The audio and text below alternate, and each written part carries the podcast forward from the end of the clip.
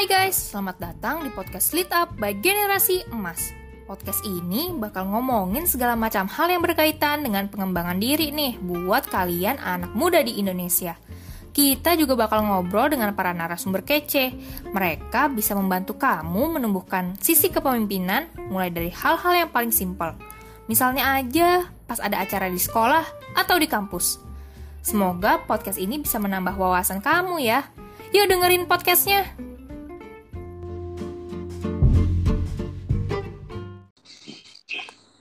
Halo.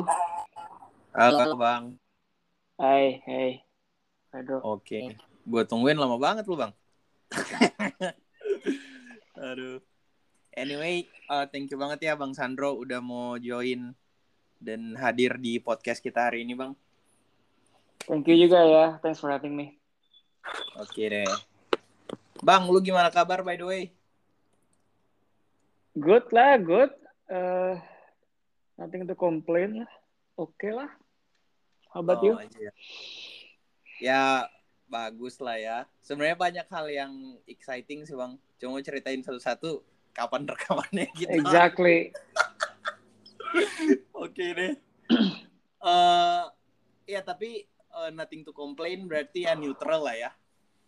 Kalau bahasa kita dulu di research neutral neutral lah ya. Iyalah. Ya, ya good to neutral lah. Iya. Yeah. deh. Bang, by the way gimana uh, peluk batin gimana bang? Maksudnya so far.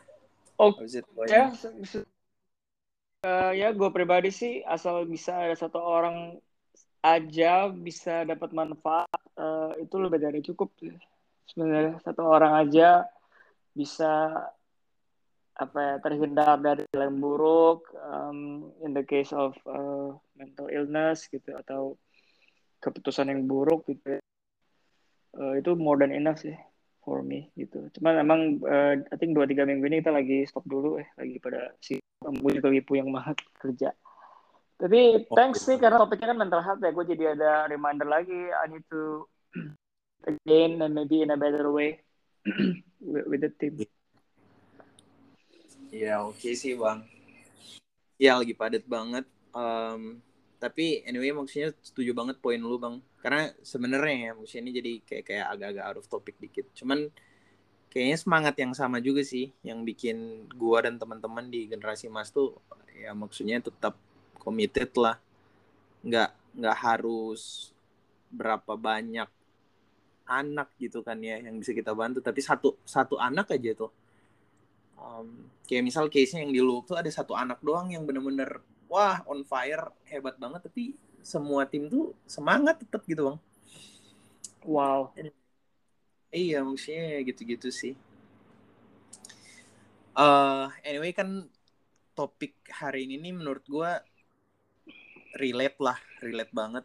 Tadi kan lu mention kan mental health juga kan maksudnya itu relate banget um, sama apa yang dirasain banyak banget anak muda sih saat ini Nah, mungkin um, kayak in preparation buat uh, rekaman sama lu nih, gue kan ada riset dikit-dikit banget bang, dikit banget uh, risetnya.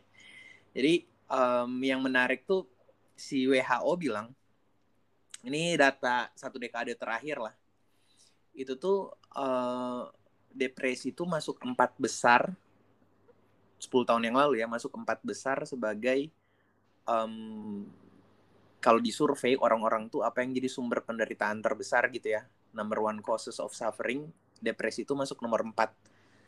Uh, di antaranya itu yang maksudnya selain depresi itu ya ada kayak lu sakit stroke atau sakit jantung gitu kan. Terus yang nomor satu tuh kanker cancer. Terus ada juga nomor tiga tuh kecelakaan lalu lintas terus lu kayak amputasi lah atau apa. Jadi bener-bener yang parah banget gitu. Dan nomor empat tuh depresi gitu nah along the years ternyata depresi itu sekarang udah udah jadi nomor satu bang. Hmm.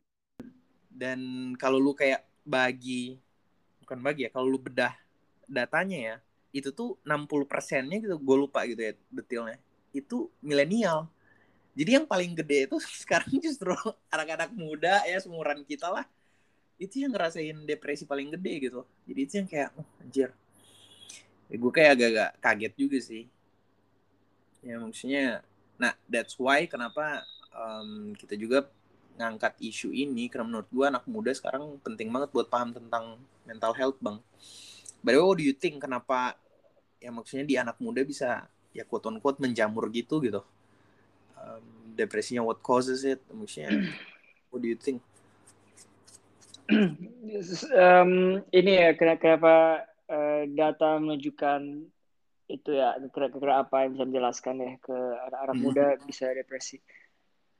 Anyway, first comment sih itu um, well kalau lu bilang 60 persennya anak muda ya I think demografi populasi dunia in general sih jadi itu kita nggak bisa ambil kesimpulan. Oh ya, oh keren keren. so I think that's one. Terus I think Iya, maksudnya kita nggak terlalu gampang ambil ke korelasi dari situ aja sih. Nah, tapi um, what do you think? Here's the interesting part ya, Bang ya. Uh, jadi dari antara cohort yang dibagi-bagi mereka tuh data-datanya, yang pertumbuhannya paling cepet tuh di kalangan anak-anak lah. Uh, 17 tahun ke bawah gitu. Gue lupa batasan cut off-nya itu. Cuman pertumbuhan yang masuk kategori depres ini justru di antara remaja gitu-gitu loh bang dibanding uh, age cohort yang lain gitu. Sebenarnya sih kalau ya ada dua approach ya uh, Pedro ya. Pertama tuh ke kita mau tahu fenomena yang di anak muda atau mau tahu alasan depresi in general gitu. Tapi kalau di anak muda mm-hmm. yang ketiga jelasin kenapa fenomena yang tadi lo sebut terjadi. Beberapa sebuah explanation yang sebenarnya nggak horor-horor banget gitu. Kan empat jadi satu doesn't mean empat itu memburuk bisa aja sebenarnya membaik. Which I believe so gitu. Karena kan di other causes yeah, sure. penderitaan itu kan sebenarnya karena physical apa illness kan. So mm-hmm. ya I think data juga nunjukin kalau sebenarnya uh, the world is getting better in terms of uh, medical and so on. Iya, iya, ya. misalkan uh, taraf hidup in general lu naik ya. Jadi uh, jadinya yang enggak ke cover sama uh, physical health itu sepertinya memburuk padahal di other part tuh uh, meningkat. Anyway, anyway, kan lu bukan mau bahas statistik, kita kan nggak lagi coba bedah Iya, justru. Tapi, tapi gue ngerti, ya, gue ngerti. alasannya bang. Iya, alasan. ngerti, gue ngerti. Sorry, gue lagi masih mood kerja banget, men. gue, aduh, masih mood kerja. Tapi I think sih sebenarnya gini ya, karena uh, arah dari ngasih list pertanyaan kan sebenarnya dua ke depresi atau mental illness dan yang kedua adalah anak muda gitu ya. Uh, yeah. Menurut gua uh, kita di sini nggak mencoba jawab dengan definitif kayak oh A terjadi karena B gitu dan itu saklek tapi enggak tapi cuma kayak deketin dengan kita pikir um, I think beberapa hal nomor satu ya karena uh, gue tuh sering banget tanya ini sih kalau orang-orang yang mengaku dirinya depresi, depresi gitu. Tentu ini bukan approach yang klinikal, tapi menurut gue ini masuk akal. Uh, uh, approach aja nggak aneh-aneh lah, cuman yang semua orang ngerti dan itu bisa dipakai. Yaitu lo tau lah pasti Maslow kan. Mm -hmm. itu ada hierarkinya ya, ada kebutuhannya gitu. Uh, jadi kalau orang depresi, pertanyaan gue, oke okay, kita coba satu-satu aja, lu makannya beres nggak, tidurnya beres, ini beres nggak gitu. Kalau yang basic aja lu nggak beres, um, ya lu punya higher chance to have uh, depression or whatever you want to call it gitu. Mm-hmm. Um, gitu. Jadi menurut gue jangan langsung loncat ke oh mentalnya gimana. Tapi I think uh, I slow down gitu. Lo ada uh, other causes enggak? Tidur lo gimana? Lo kerja cukup enggak? Eh sorry kerja lo. Lo ada kerjaan enggak itu terutama buat cowok ya. Lo ada yeah, kerjaan enggak? Lo makannya bener enggak? Tidur lo beres enggak? Hidup lo overall teratur atau nggak jelas atau berantakan? Itu dulu. Baru kita naik satu-satu. Uh, family lo gimana, hubungan lo gimana, terus mungkin lo ada ngomongin pencapaian hidup lo atau whatever whatever tentang yang lebih ke mental gitu. Tapi uh, physical needs-nya kita coba make sure itu oke okay dulu gitu. Karena kenapa? Karena kalau langsung lompat ke kita solving the problem mentalnya kita coba beresin well kalau badan lo sendiri nggak balance uh, I think uh, itu short term banget sih. Nah I think ada beberapa. Jadi jadi cum, bukan cuman sih karena kalau kita coba deketin kayak oh what's the real cause of depression? Nggak ada yang bisa jawab bro. I mean uh, yeah. research juga nggak bisa jawab. ya. exactly gitu. Ada yang benar-benar pure uh, apa namanya biological factor gitu. Anyway ngomongnya tadi lu kalau lu film Joker lu nonton bro? Nonton nonton. Itu menurut gue kalau kita pakai framework yang Maslow itu di step level dia dia makan gak jelas dia ya sih dia kerja nggak ada, ya, makan nggak jelas, tidur nggak cukup, apa segala macem. Ditambah dia keturunan orang tuanya juga sempet gini, hubungan yang gak ada yang beres. Dia, I mean, he has a reason to have depression gitu. Yes. Nah, it, it poin gue ngomong gini sebenarnya faktor tuh ada banyak sekali gitu. Terus uh, kalau gue kalau kita mau simplify mungkin cuma dua fisik mental gitu. Physicalnya kalau bisa higher priority. Kalau physicalnya aja berantakan, gitu. Tapi bisa juga physicalnya oke, okay, mentalnya berantakan. But anyway, just just look at the look at this phenomena as a multi as you said. Gitu. Okay. Nah, hmm, ya.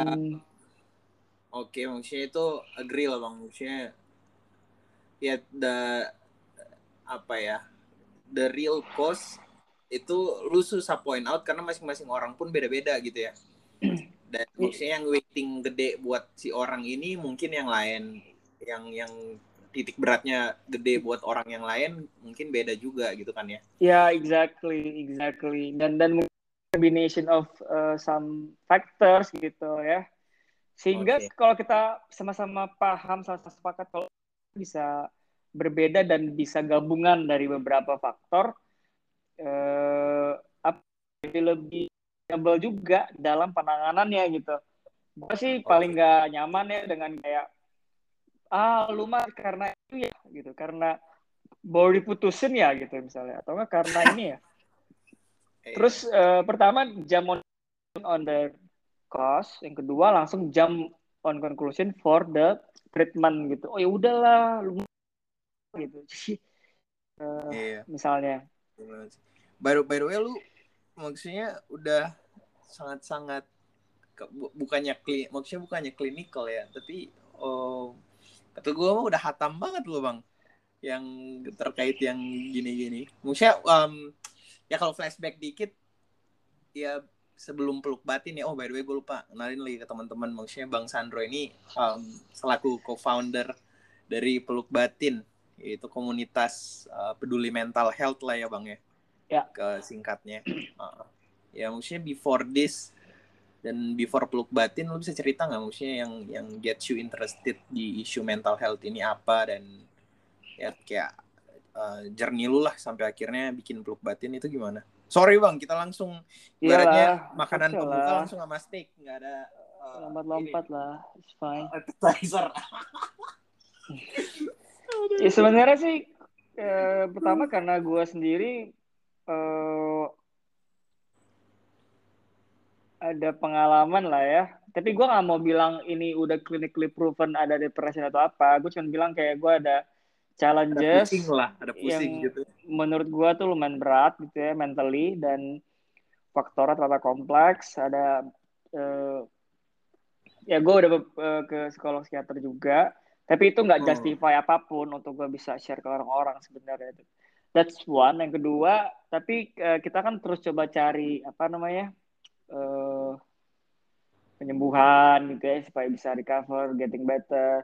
Jadi selain ke dokter, psikolog, psikiater, gue ikut banyak beberapa lah ya, beberapa training lah ya, yang sebenarnya lumayan ngebantu gitu, hmm. ngebantu untuk gue bisa uh, uh, recover, untuk solve my problems uh, and getting better.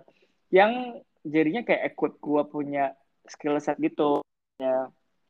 Jadi ada beberapa momen di mana uh, kayak misalnya kita ngobrol-ngobrol gitu ya sama teman atau komunitas gitu terus cerita eh gue punya challenge di sini kayak trauma atau apa yang harus lepas terus lu tahu lu kayak gue sebenarnya gini gini gini. Terus kayak ada momen kayak gue nggak mau so tau ya tapi ada momen kayak gue tahu itu jadinya gue nggak tahan lagi untuk eh boleh nggak gue bantu lu ada quick terapi dikit gitu terus kayak oh oke okay. orang nggak takut tuh bang lu lu tanya gitu Enggak, ya kan udah teman kenal. Ya, well kalau nggak oh. kenal di, itu mah gue hipnotis gila. Gue mau minta duitnya. Oke oke terus bang. Temen lah temen terus kayak uh. bisa nggak just quick aja gitu mungkin satu menit. Uh, ya lu bawa kita bareng-bareng ke ke momen rasa sakit dan kita coba ubah meaningnya gitu. Terus ya gitu terus gue coba satu dua kali ke teman-teman dan mereka uh, dapat manfaat. Sampai kayak eh ini menarik juga ya gitu. Misalnya menarik tuh kayak uh, seneng bisa bantu orang gitu. Bantu orang keluar dari penderitaan yang mereka nggak perlu alamin gitu terus iya. uh, ya jalan bergulir terus jadinya kayak kenapa enggak apa ya diterusin aja sih gitu terus uh, ya itu aja sih sebenarnya ya, gitu dan uh, tapi gue fair sih maksudnya kayak gue nggak replace kita nggak re oke okay, ini tiga hal lagi sih oke okay, gue nggak replace clinical psychologist atau psychiatrist ya mereka ada marketnya sendiri gitu. Uh, yang sebenarnya giving another problem juga gitu. Kita tuh nggak nggak akan pernah bisa replace mereka. Tapi masalahnya juga orang-orang yang depresi atau punya masalah itu pasti ada think, resistensi juga pengen uh, iya tapi uh. deh I think cuman berapa persen yang bener-bener uh, follow up ke ini ya ke dokter? Iya benar cuma berapa persen yang follow up? Itu saat kedua adalah untuk mereka sadar tuh butuh sekian tahun gitu. Jadi yang pertama datangnya kagak yang kedua lima tahun lagi gitu. It's too late. Jadi nggak pernah ada salahnya dan akan selalu begitu bisa menyediakan diri lah ya. Iya, buat, benar. buat uh, apa namanya buat teman-teman yang punya approach yang dipeluk batin sebenarnya jauh dari itu jauh dari yang kayak ribet-ribet By the way bang, hmm. se sebelum yang kita ngobrolin peluk batin dikit dan isu ah, mental ah. yang lain, ada yang lu mention maksudnya yang ke teman-teman nggak tahu lu masih ingat nggak nih? Ada yang kita ngobrol di PP bang yang ada si Arum. Uh, ingat. kita lo yang kita ke bir terus gua tumpah ke mana-mana tuh minuman. Iya iya iya gue inget gue inget iya terus itu kan gue lagi stres stresnya tuh. Ya maksudnya isu stresnya kita gak usah bahas lah ya. Cuman maksudnya gue ngerasa kayak anjing lu dewa juga maksudnya di saat itu ya yang lu bilang kita ganti apa tuh strukturnya itu gue ngerasa kayak bener-bener ada shift yang persepsi gue terhadap keadaan atau terhadap satu yeah. orang tertentu yeah. karena maksudnya perspektif kita tuh dibantu shift gitu ya kayak ditaruh struktur yang baru itu ya maksudnya perspektif gue beda terus feeling apa ya mood mood juga jadi beda bang itu yang gue kayak oh maksudnya these things dan gue nggak mungkin kayak misal nih maksudnya mungkin itu belum belum sampai level yang gue harus ngomong ke psikolog juga kan. Cuman maksudnya saja saja helpful moment lah. Dan ya lah maksudnya gue bersyukur banget lah ada ada momen-momen kayak gitu. Maksudnya lu lu juga bisa membantu di momen itu ya bang ya. Maksudnya walaupun sederhana banget gitu lu lu ya yeah, exactly. Exactly. Exactly sebenarnya sesimpel itu aja sih ya sebenarnya. Hmm. terutama yang masalah masa lalu ya yang menurut gue most of the people's problem. Iya masa lalu gitu karena um, masa lalu kan netral gitu ya. Tapi hmm. yang bikin painful atau enggak gimana kita bisa ambil meaning gitu. Nah tapi hmm. untuk ambil meaningnya kan itu nggak segampang itu kan jadi makanya gue waktu itu berkali-kali bilang uh, experience has a structure gitu strukturnya gitu. Jadi kalau kita hmm. lihat strukturnya dengan baik, terus ngelihat uh, critical pointnya gitu ya, critical pointnya ya kita ganti gitu. Gue paling hmm. seneng pakai analogi meja ya gitu. Hmm. ada empat kaki ya lu mesti ganti empat kakinya gitu lu mesti patahin kakinya untuk bisa pasang meja yang baru Hmm, hmm. gitu kalau lu mau coba hancurin mejanya kakinya kuat banget well kakinya mesti ganti kakinya itu apa kakinya itu kiki some support the table gitu. support the belief support the meaning that you believe and Hmm. yang sebenarnya akan lagi bangunan di atasnya kayak misalnya perasaan atau behavior dan sebagainya tapi Hmm. ngeliat itu sih lumayan helpful sih dan ya gue juga masih terus coba kerjaan bro to be honest all of these things Hmm. tapi uh, ya happy to know kalau back then it was helpful for you so but Iya. the- Gue gue penasaran dikit like bang. that, hmm. Lu mention critical point ini cuman out of curiosity doang. Lu mention critical points, maksudnya lu bisa jelasin lebih detail nggak? What critical points itu apa? Lu identifikasinya gimana? Kalau gua nih atau mungkin pendengar gitu ya punya teman-teman yang kayak, waduh lagi pusing apa? How do we identify those critical points? Terus ya intervensi simpelnya gimana gitu bang? Um, kayak misalnya yang pertama di go deep ya, maksudnya kayak lebih dalam Mhm. gitu ya. Analogi Mhm. lainnya mungkin kayak kayak ngupas kayak layer per layer gitu. Hmm, Karena kita nggak bisa bilang oh bawangnya nih, tapi mungkin tapi ya mungkin lapisan ketiga di poin keberapa gitu. Kalau Mhm. contoh yang biasanya umum tuh adalah experience gitu. Gua trauma Mhm. experience ini gitu suatu kejadian di hari ini jam segini tapi kan kalau lu mau go deeper sebenarnya yang bikin ini banget tuh apanya sih kata-katanya Mhm. atau cara ngomongnya atau em, ekspektasi lo atau apanya gitu pas lu coba gali-gali sebenarnya nggak apa namanya ternyata cuman oke bukan cuman ternyata ada beberapa hal ke hal kecil gua ngomong kecil nggak maksud mengecilkan Iya iya eh, iya. pentingnya suatu hal tapi eh, dari jutaan hal yang terjadi di suatu experience ternyata cuma satu dua tiga mungkin yang kritikal yang sebenarnya itu yang bikin very very very painful Hmm. gitu yang sebenarnya ketika lu go Pain deeper lagi point-nya lah ya. well yeah you can say that gitu ya terus yang ketika lu go deeper lagi ternyata ada beliefnya ada asumsinya yang kita mesti eh, Di, Coba- coba ngerti. asumsi itu. di- coba coba di- ngerti iya di karena di situ Oh. Ah, ah. tapi ini kan kayak wah easier Wow. said than done gitu. Tapi sebenarnya yang paling painful sebenarnya untuk lu go deep to look inside yang sebenarnya tuh apa sih yang bikin sakit? Itu Hmm. I mean that process itself is painful. But Hmm, ya terserah sih kalau mau lakuin eh you can learn from the past atau Hmm. you can be hurt from the past terserah gitu. Jadi Hmm, hmm. dan satu kata kunci yang gue suka, you need to do all of these things voluntarily. I see. Lu mesti rela ngelakuinnya, nggak bisa dipaksa. Hmm, hmm.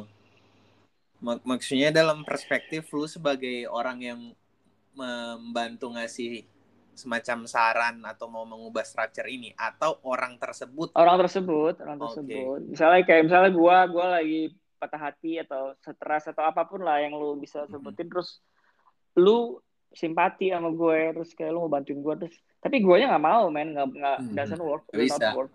Iya. benar-benar sih benar-benar sih ya dulu gua ya gue ada pengalaman juga sih bang kayak gitu Oh, Ya. lu nolongin orang gitu, maksa nolongin orang gitu. iya tapi orangnya Nggak mau. pasif bukan pasif ya maksudnya entah Nggak dia bisa. udah iya udah terlalu dalam atau apa gue yang kesel sendiri Bang.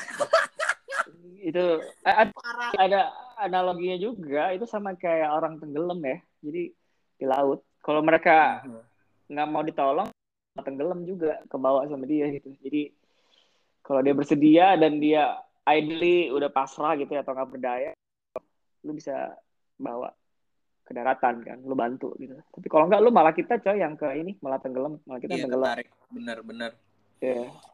Iya, m- karena maksudnya gue akhirnya pada akhirnya ya bang ya pada kasus itu ya gue invest a lot dari segi ya maksudnya banyak dimensi lah.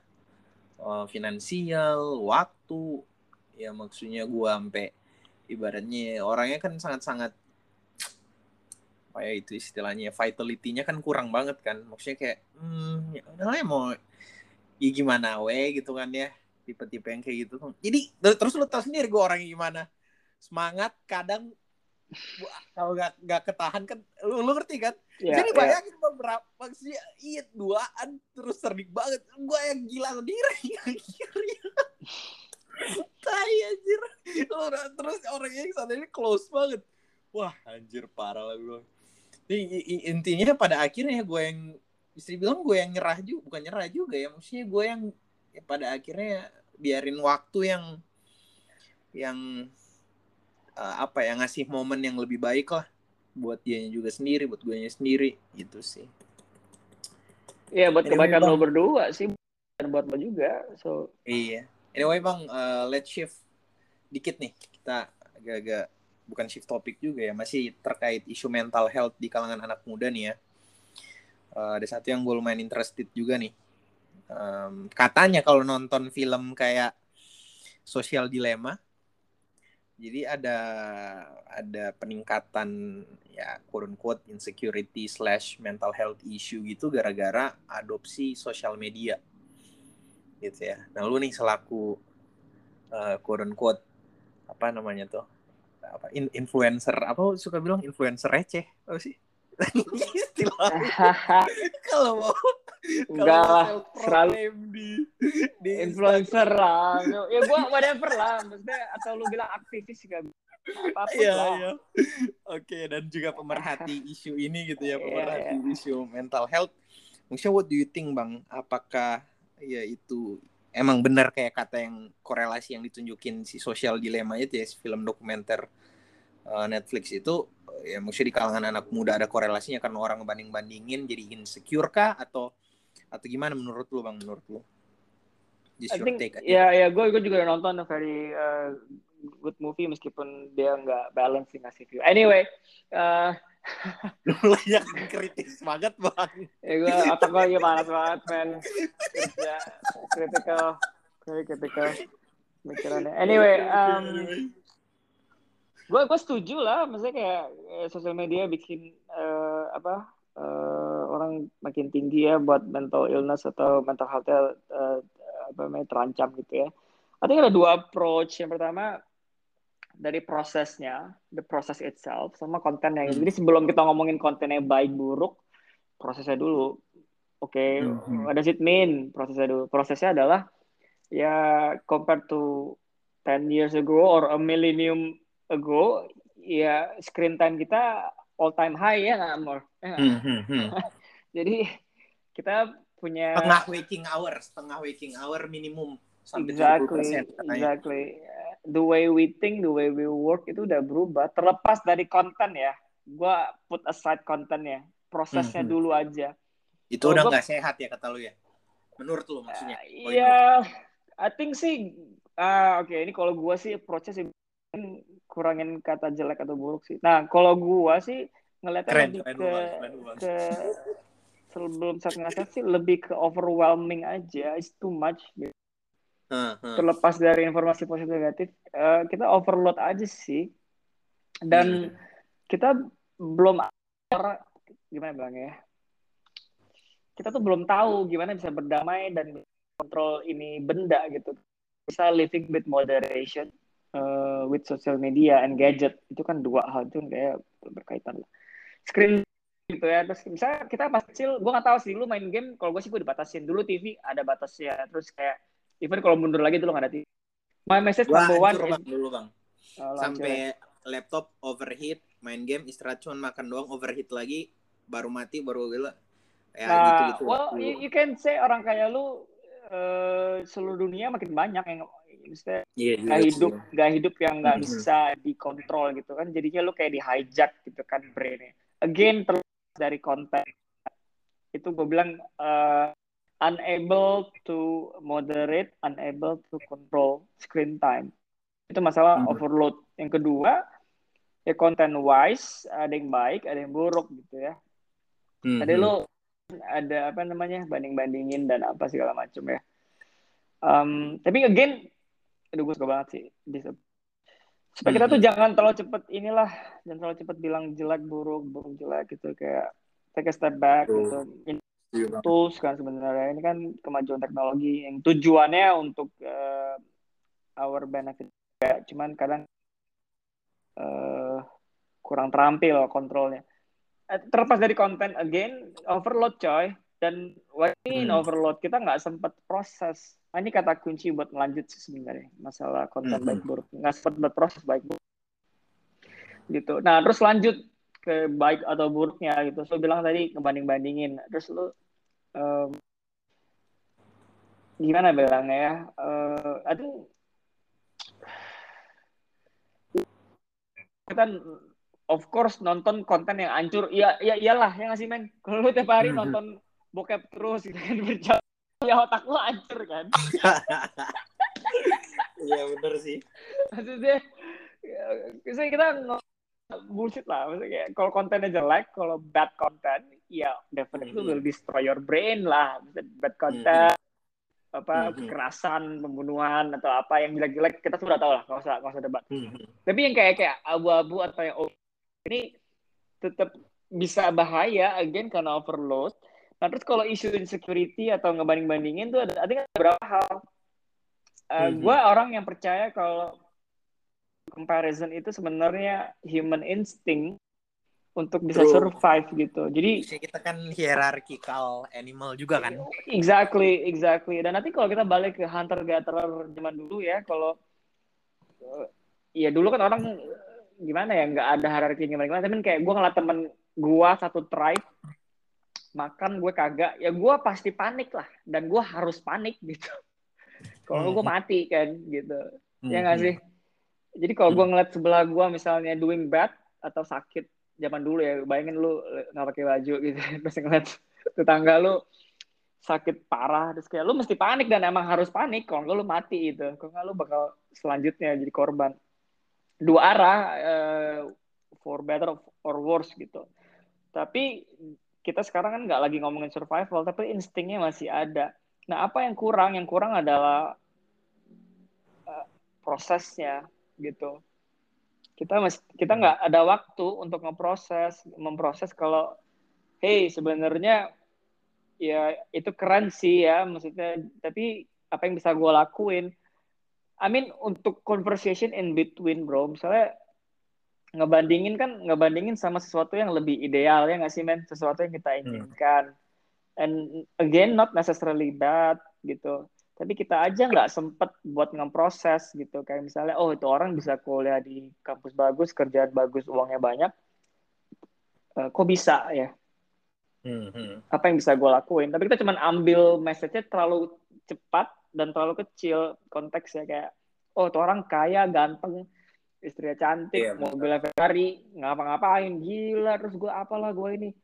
Em, jadi processing side-nya itu minimal ya menurut gua itu sih yang bikin orang stres pro- bukan perbandingannya itu sendiri Eh maksud em, boleh gue bilang kayak gini nggak bang? Kalau memproses dengan baik itu maksudnya mencari tahu konteksnya lebih banyak, reality checking gitu ya? ya Eh, you can say that you can say that gitu ya kita proses lah kayak oh what does it mean gitu apakah benar-benar kayak gitu terus apa buat gua gitu. What's the lesson learned? Ya nggak sih men ini kan Hmm. kayak conversation kan. Sekarang ini kan kayak apa sih? Lu bisa bilang research kayak bisa bilang lihat konteks terserah. Tapi pro, at Hmm. least diproses lah. Tapi nggak terima mentah-mentah lu telan gitu. Eh, Mhm. itu sih yang menurut gue kurang sebenarnya gitu. Hmm. dan ya ya lebih ke prosesnya kalau kita tapi kalau nah la- lagi-lagi mundur lagi ke belakang bisa proses nggak? Kalau nggak bisa proses ya lu moderate dari awal aja. Kalau gue sih ngaku bro gue benar-benar ke distro. Ya aja kalau gue pribadi di HP kerja gue gue uninstall Instagram di setiap hari Oh, minggu gitu. malam. Minggu malam gue uninstall. Terus lo installnya? installnya Jumat. Oh, I see. Ka- karena gue nggak sanggup tetap aktif loh. Iya, gue Oh banyak iya, aktifnya di weekend. kita ya. ya. Iya. Iya. Meskipun ya gue bisa aja curi-curi pakai apalah, pakai handphone lain atau apa. Tapi kan lebih sulit kan. Ya karena gue ngerti, gue emang mm, terampil lah untuk mengendalikan diri ya, menghadapi sosial media. Bro, lu kan suka nafal ya. Iya, suka suka Dia Iya, bilang, dia bilang very powerful sih. The modern evil The More Evil apaan, Bang? is cheap dopamine. Oh, setuju banget setan sih. modern. Sekarang dopamine murah itu ya basically ya sosial media kan. Lihat notifikasi lihat apa. Kita merasa real segala macem. Padahal kita nggak ngapa-ngapain gitu. Kita nggak create anything.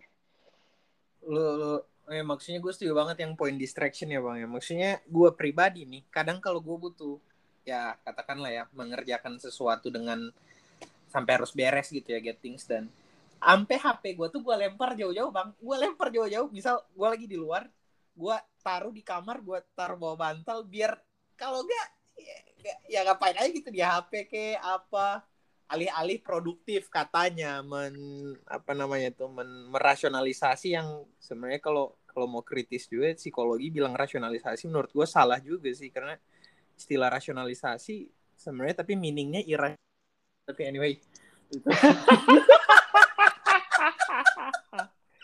Anyway. Anyway. Ya tapi iya tapi lu aku poinnya ya bang gue sampai sampai HP-nya gue gue taruh jauh-jauh baru gue bisa fokus gitu. Kalau enggak ya anjir. And by the way ya maksudnya lanjutin yang si Naval tadi bang.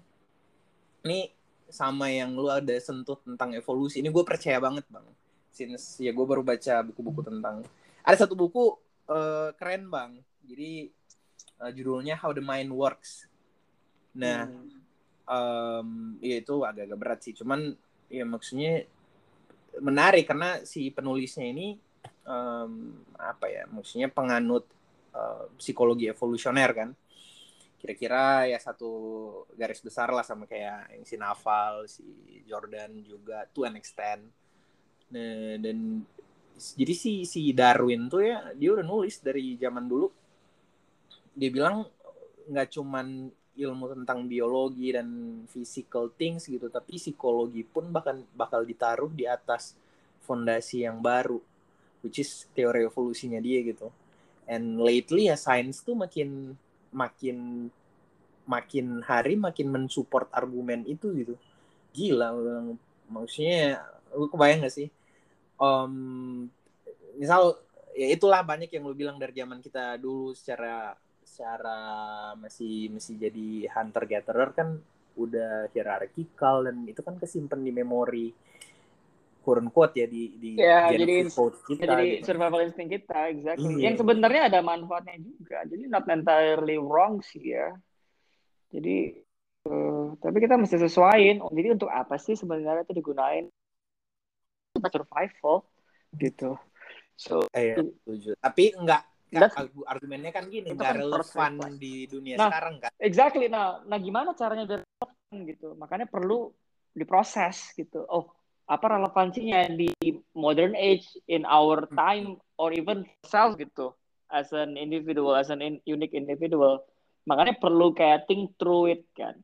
Mungkin lu Hmm. meditate on it. Well lu kita nggak pernah denger kan orang meditate ngebandingin orang nggak pernah kan karena karena kita cuma taunya comparing with people tuh bad gitu nggak not necessarily gue ya Ya, kalau lo compare-nya pakai konteks dengan apa sih kepala dingin dengan fokusnya Mhm. lesson learn sih harusnya should be fine gitu ya Hmm, full hmm. picture ya gitu misalnya setuju banget. Cuman mau enaknya doang sih itu mah nggak comparing itu mah manja ya nggak sih men? Iya, mau kayaknya doang ya itu mah ya manja aja sih. Well anyway. Iya. Eh, karena kenapa gue tanya juga bang? Karena in between my friends gitu ya di antara teman-teman gue pun itu ada yang gue gue tahu sampai uninstall bukan uninstall ya maksudnya ya uninstall sih. Dia akunnya masih ada cuman dia jadi uninstall beberapa dan nggak sa- sampai nggak mau buka-buka lagi karena ngerasa insecure aja gitu ngelihat ngelihat orang-orang yang ada di dalam gitu entah, entah apalah alasannya gitu ya cuman gue juga Ka- gua, karena karena gua nggak gitu, gua iya, ngerasa iya. kurang bisa relate. Tapi I see. Gue ya, tuh sama relate sih ya, tuh sama extent Oh. kadang ada momen bisa relate ketika ya ini butuh awareness juga ya. Misalnya gue nggak tahu kalau follow siapa aja, gue nggak tahu kon- isi yang lu lihat tuh apa aja ya. Misalnya mungkin kalau beberapa orang kalau ada di yang dia follow milioner semua naik yacht gitu kan, naik. Ferrari, terus dia tutup handphone kayak anjir, gue masih naik bajai atau apa. Ya depresi Oh. lah. Ya nggak coy ya, ya. apa ya depresi ya ya eh gue nggak mau sering-sering nyebut depresi. Ya mungkin dia jadi stres lah atau apa. Apa Eh, asas gitu belum di moderate. Ya nggak sih? Jadi apalagi kalau dia bikin gue gue making up things tapi ini possible. Kayak apalagi dia make thinking like gila ini orang enak banget ya. Ngapa-ngapain bisa ini. Udah temennya banyak orang ganteng ini apalah gua debu-debu apa keripik-keripik Ya, rengginang gitu. Terus kan uh, itu kan diterusin diterusin dia akhirnya kehilangan meaningnya nggak men? Merasa Iya. nggak berarti insecure. Lu bisa bisa spiraling downward terus terusan loh bisa gitu. Kalau dia Yes, make ya. meaningnya nggak nggak nggak konstruktif ya? Yang yang gue takut tuh gitu spiraling down. Tapi anyway ada apa ya tadi. Ada satu poin yang eh yang lu mention itu gue suka bang. Ini kita jangan lu bilang gue nggak mau gampang banget pakai kata depresi gitu. Karena ya maksudnya itu satu keadaan ya yang mungkin nggak meskipun statistically ya assume naik seiring populasi juga kan nambah dan lain-lain gitu ya. Cuman itu nggak nggak apa ya nggak se nggak setiap orang atau nggak setiap keadaan lu tuh masuk kategori depresi kan. Kadang kita harus see it as it is aja gitu, jangan lebay aja bener nggak sih? Maksudnya gue gue ngerti maksud lo maksud lo Iya. kadang orang belum pa- belum apa apa udah bilang depresi Udah. maksud lo gitu iya maksudnya itu itu bro gue from my from the deepest of my heart uh, Mhm. don't play to that direction hmm. ya don't annoy with people who claim themselves as depressed people gitu let them be gitu ya Mhm. karena again dude come on psychology kan not really a science kan ya sih? Ya setuju banget. jadi It is as maksudnya bisnis is messy, cuman psychology is messier bang. Iya, gue gue coba memetakan kan, maksudnya anjing. jadi It's messy. ya by by by saying that kita sebenarnya nggak bisa uh, apa sih dengan solid classify Iya bang, tadi ah, sampai mana ya tadi gue? Oh iya, jadi yang terkait tuh yang masalah men mengkotakkan depresi kali ya.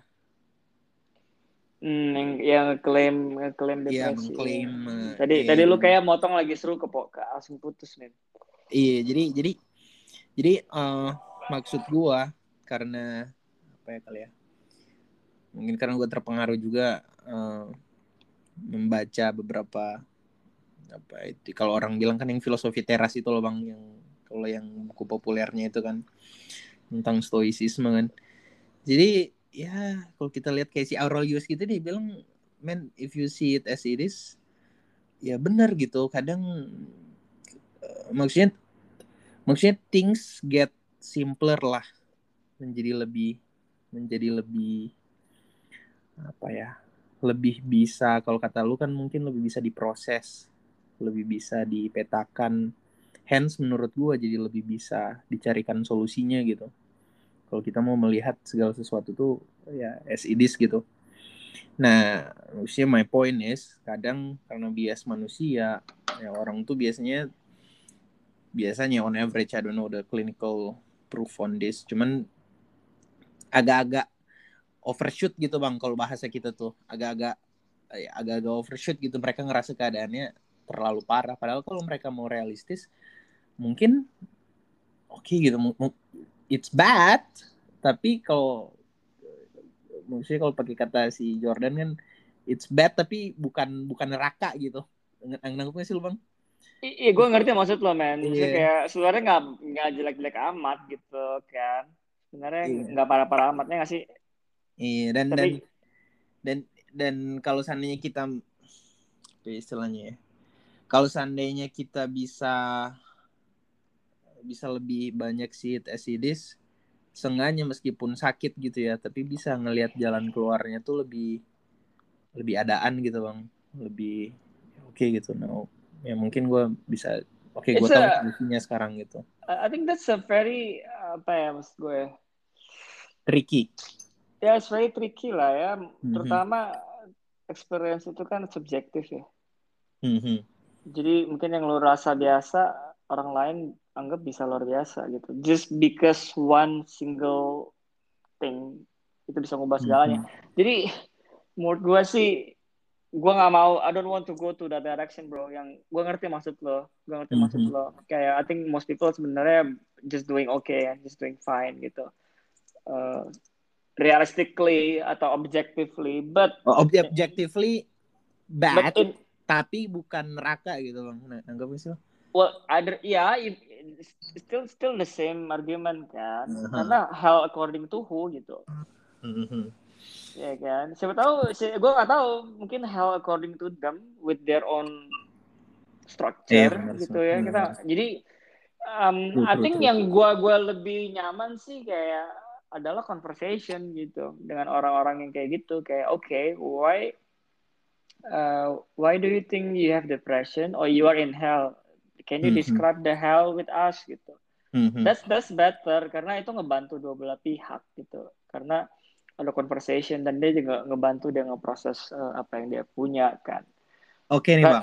mm. tanpa tanpa perlu gue tanyain lu udah mengarah ke yang pengen gue tanyain. Lanjut lanjut. Which is, which is, describe more. which is what? Uh, ya maksudnya how do we help these guys lah kalau lewat conversation yang sederhana lu, misalnya lu bisa apa namanya mendeskripsikan lebih detail nggak ini ya happy really happy to do this man ini hmm. basic teaching di Pulau Batin sebenarnya yang gue percaya dan kita terapin. Oke, okay. ini gue um, gue pun gue pribadi pun belajar bang, mau excited dengerin lo. Sure, gue juga super excited nih ngomong ini. Uh -huh. Jadi uh, yang pertama adalah kita ini ini tenetnya lah. Yang pertama adalah enggak didesain untuk memproses emosi secara otomatis gitu. Hmm. Jadi kalau secara fisik kita didesain untuk automatically process everything through hmm. our uh, digestive digestive system gitu. Jadi lu makan hmm. apa pun di diolah kan, yang bagus mm-hmm. diambil energi, yang lebih atau yang jelek diprosesnya? I see. Jadi kotoran atau apa. Tapi experience enggak. Hmm. Jadi kita internalize semuanya dari lu lahir sampai sekarang. Bayangin dari lu lahir gua atau lu umur udah puluhan kali ya. So mm-hmm. itu lu telan semua men gitu dan nggak hmm. otomatis dibuang yang nggak berguna atau diproses buat yang apa sulit dicerna gitu ya atau mm-hmm. yang mungkin beracun atau kayak diambil seharinya whatever itu nggak otomatis so mm-hmm. the message is that kita perlu intentional untuk memprosesnya gitu karena itu bakal tersimpan wow. anyway gitu jadi mm-hmm. the first message is that it's not automatic don't nah karena dari argumen ini terbangun turunan yaitu don't expect time will heal gitu so, mm. karena nggak otomatis coy prosesnya makanya mm-hmm. lu mesti um, gimana terus cara, terus gimana cara prosesnya I, I think ada couple of things tapi yang paling simple ya kita gue nyebutnya sih externalize gitu ya atau mungkin bahasa lainnya lu express gitu ya mm-hmm. karena kan lu udah consume banyak men dari lahir mm-hmm. kan sampai sekarang kan mm-hmm. ya kita express aja kita externalize externalize aja gitu bahasanya mungkin agak ribet nah paling gampang menurut gue ya let's have a talk gitu mm-hmm. dan I think the funny thing is that ketika bicara nih, ketika even ketika sekarang kita bicara, lo mampu memetakan si apa pun itu dulu dan lo jadi tahu mau ngapain sama itu. Boleh you can say that nggak bang? Maksudnya you can say that nggak? Kalau well, ya bisa, bisa karena the the good thing about uh, externalizing thing itu lo jadinya hmm. ngebantu untuk itu jadi masuk akal hmm. gitu ya untuk memproseskan hmm. um, bahasa Inggris masuk akal kan make sense ya kan hmm. dan hmm. what do you mean by uh, make sense itu bisa diolah dengan senses kita we have Mhm. five senses you can Mhm. see it you can hear it you can touch Mhm. it uh, and so on gitu you can taste Mhm. it and so on gitu minimal ketika kita ngobrol gini lu you can hear you are talking gitu Mhm. uh, better dan dan I think some cases itu ya, misalnya even kayak kita ngobrol sekarang ada beberapa hal yang sebenarnya lu nggak belum pernah pikir terus lu kayak aha gitu gue gak nyangka gue bisa mikir gitu ya nggak sih Mhm. even dan itu ngebantu jadi lu bisa ngedenger sendiri your own um, story dan I think gue nggak tahu sih casesnya kayak banyak juga kok yang orang ke psikolog ke psikiater sebenarnya cuma mau didengar doang Hmm. dan Iya sih. sebenarnya buat denger omongan dia sendiri doang gitu ya nggak sih men Oh, Ya. oh. dan itu yang gue percaya juga jadi yang kita offer adalah kayak um, it's a Telinga. good it's a good friend Hmm. gitu sesuatu yang sebenarnya uh, more precious than dokter dokter cannot be your friend kan lu bayar per jam Iya, gila benar. dan kadang lu nggak butuh advice kan dari gua kadang lu Mhm. nggak butuh advice dari orang lu cuma butuh presence lu butuh orang buat dengerin cerita lo Mhm. um, that's oh itu juga sih yang dulu gua rasa ya bro kayak Mhm. ketika gua look back wah emang sih gua kalau ke dokter dia bisa solve some of, some of my problems gitu dan Mhm. again gua eh, rekomendasi kalau gua boro ngasih batasan buat yang depresi segala macam cuma satu aja sih kalau lu Mhm. mikir mau bunuh diri lu mesti ke psikiater titik Ya, itu ya gue baca juga katanya itu apa namanya ya? Si ininya lah bukan tipping point apa itu istilahnya ya? Kayak cut off-nya lah lu udah harus ke ya itu psikiater. itu gua gua cut off itu sih kalau Mhm. udah suicidal thoughts oke eh, goodbye lu pergi sana gua nggak bisa berurusan lagi sama lu dia mau ngasih obat whatever still better uh, than you uh, kill yourself so so Mhm. yeah gua so the answer is that uh, have to process by externalizing it and one way to do it is by having conversation Mhm. yeah Iya sih. Makanya kadang ya, maksudnya true friends, terus percakapan yang yang sejati gitu ya, percakapan yang real bang. Menurut gua makin hari makin langka. On relative basis, tentunya makin naik gitu. ya. Cuman on relative basis, menurut gue sih terkadang nggak tahu ya, makin langka ya. Maksudnya, eh ini kayak kalau lu suka lihat konten di Instagram gitu bang, terus kayak orang-orang pada ngepost eh ini anak apa sih anak generasi ini nggak mungkin ngerasain ini terus orang pada main apalah itu yang lempar-lemparan eh, kaleng apalah yang lu, lu nangkep kan poin gue yang kayak yang nggak dirasain anak-anak zaman sekarang gitu yang screen time Hmm. semua terus Ya.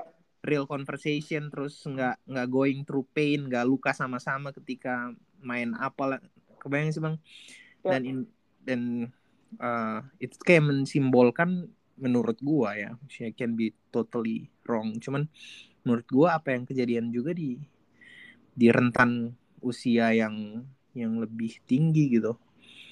Uh, maksudnya dan dan kapan lu tahu lu butuh banget sahabat sejati itu kan pas lu di bawah bang. Pas lu butuh cerita pas lu depres pas lu apalah gitu kan. Dan dan betapa berharganya itu conversation itu yang lu bilang itu gue pun ngerasain sendiri soalnya bang. Dan gue ngerasa anjing man real friends are rare.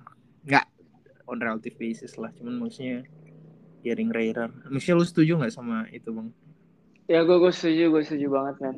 Eh, jadi yang gue bisa lakuin ya just be there gitu. Meskipun ada eh, technicalities yang spesifik lah yang kita Mhm. curate gitu ya. Kayak gue facilitate the conversation supaya nggak ngalor ngidul. Ada ada some Mhm. rules kayak misalnya nggak boleh play victim, nggak boleh apa namanya Uh, Mhm. PT party lo tau PT party nggak sih kayak gue Gimana? gue PT PT kan mengasihani ya pesta mengasihani diri sendiri ah gue Oh. mah udah sampah bau hidup lagi gitu gitu nggak terus kayak Oh. victim mentality kayak nyalahin uh, engkong lu mertua lu bapak lu nggak we don't play that game dan juga oh yang lumayan gue high conviction adalah Hmm. zero, zero advice oh sama ini men anonymous mereka semua Mhm. anonymous sih ya Mhm. jadi jadi mereka join pakai karena from my experience last year ya jadi banyak orang yang kayak ya sebenarnya make sense juga sih kalau lu ada identity lu jadi malas terbuka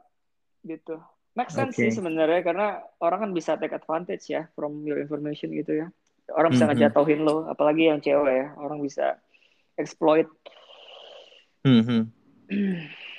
gitu dan itu kan jadi kayak grup chat gitu kan dan gua jadi orang bisa saling ngasih apa sih support lah tapi nggak boleh ngasih advice Sorry bang, uh, kritis dikit nih. Maksudnya anonymous atau pseudonymous. Jadi ada orang itu kayak ada kayak avatarnya. Jadi di percakapan Oh. berikutnya dia tuh orang kenal oh ini si ini dengan masalah ini gitu. Tapi ya tetap identitas Hmm. aslinya nggak tahu gitu.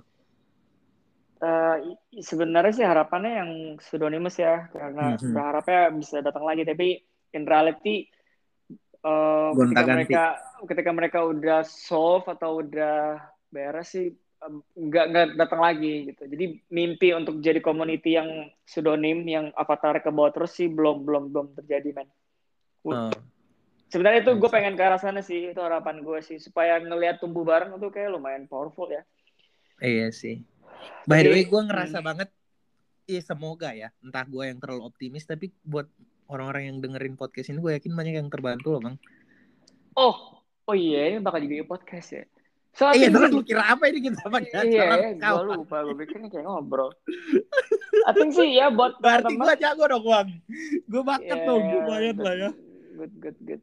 So I think ya kalau ada teman-teman yang ini eh, apa sih merasa having tough times dan merasa akan terbantu dengan ngobrol, eh, reach out lah ke at blog batin ya, ada adminnya. Iya, setuju banget. Boleh banget. Terus Di- eh, presence lu di mana ya bang? Instagram dan Instagram aja lah. Terus ya paling kita facilitate sih ya gua gua bantu facilitate. Terus kadang kalau lagi mood gua guide meditasi juga. wow, ya that's cool. Sebentar sebentar aja nggak lama-lama. Cuman Ah, ya, ini sebenarnya kita udah di eh, apa namanya? Ada constraint waktu sedikit. Cuma lu mention meditasi, gue jadi penasaran lagi bang. How does meditation help?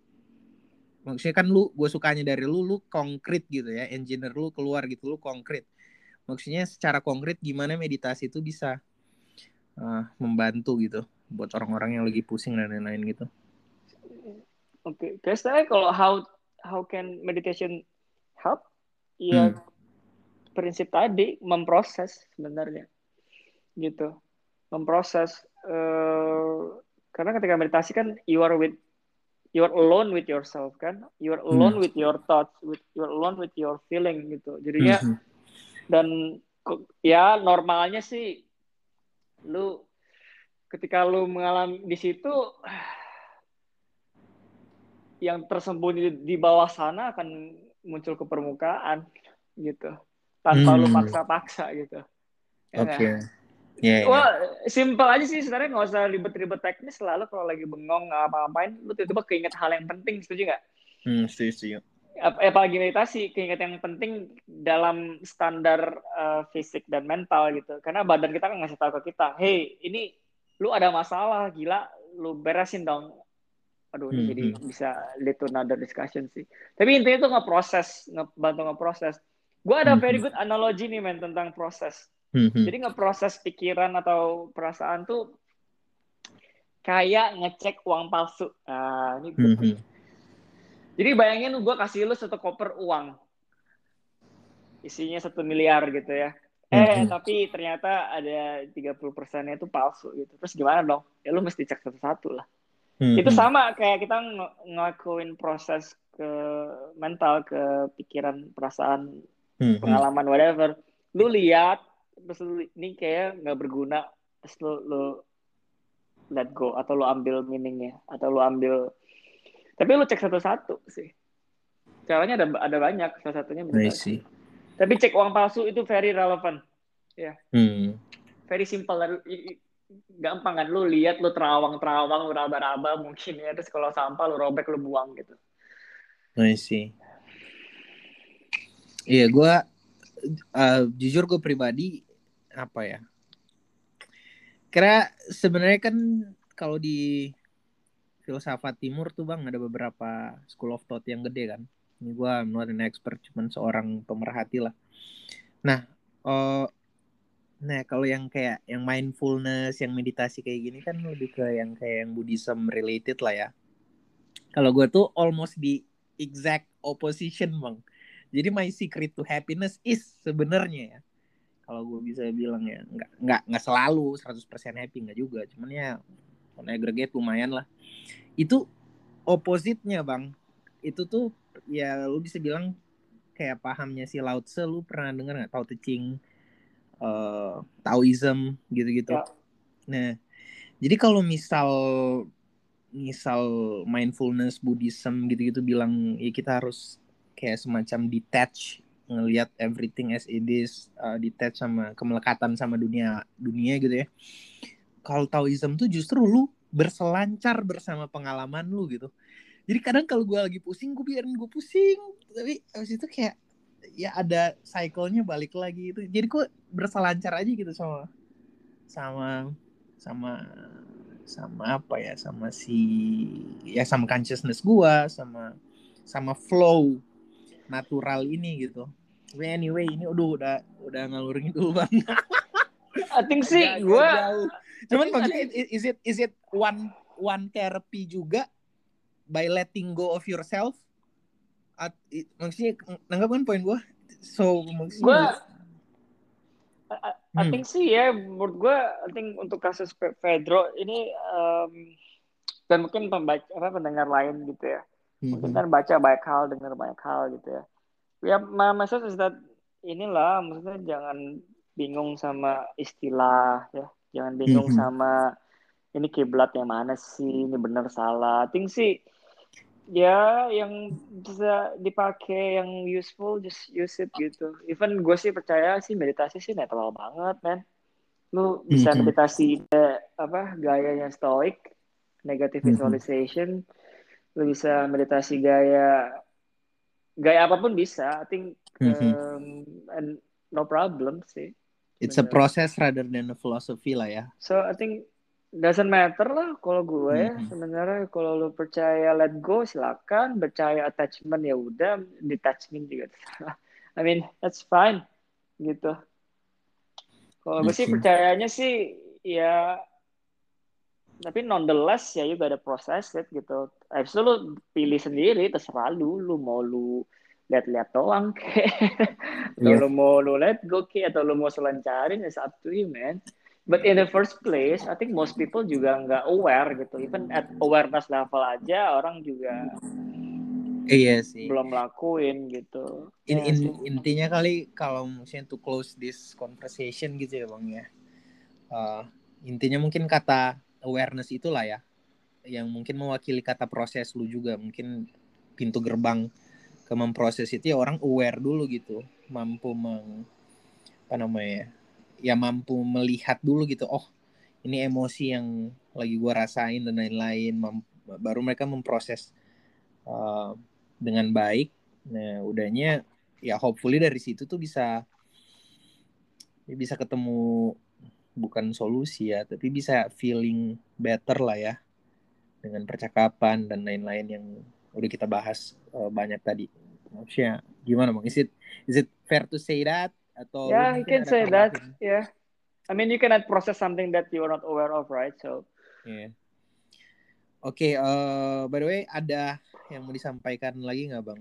Buat ya anak-anak muda Indonesia yang ya mungkin ada isu mental health apalah selain yang kita bahas hari ini atau apa pun lagi your closing ada ada, uh, ada. advice yeah. lah buat kita uh, thanks thanks dok for the time uh, so uh, dear teman-teman uh, thanks for listening ya semoga bisa manfaat terus um, pesan saya satu kalau ada problem coba be aware dan proses satu kata lanjutannya sebenarnya uh, negotiate sebenarnya nego dengan diri Eh, kenapa itu bisa menyakitkan, kenapa enggak, apa yang bisa dikerjain, nego, nego gitu, jangan terlalu dipaksain, jangan terlalu hmm. direlain juga, tapi negotiate. Hmm. Because you can negotiate with yourself, and how to negotiate you communicate, uh, and communicate is actually part of the processing itself. And the last -hmm. one is that, um, from the deepest of my heart, uh, just don't be too obsessive with happiness lah gitu. Karena menurut gue itu Mhm. salah satu akar dari eh, kesedihan malah ya. Atau Depresi. Wow, yang berujung ke depresi ya. Karena obsesi untuk happy sebenarnya yang bikin depresi. Itu beberapa to, for some cases.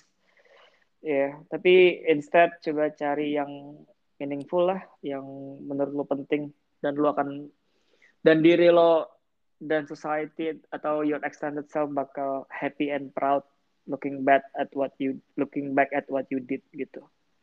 Oke. Wow. Amazing, Bang. eh eh reminder bahkan buat diri gue sendiri pun. So, ya thanks a lot lah. Gue berharap eh percakapan ini bisa ngebantu banyak banget orang sih. Semoga ya, semoga. Tapi satu orang pun cukup kan kalau kata lu di pembuka tadi. Exactly. Gitu Alright. Oke deh. Thank you banget Bang Sandro. Sampai ketemu di percakapan berikutnya.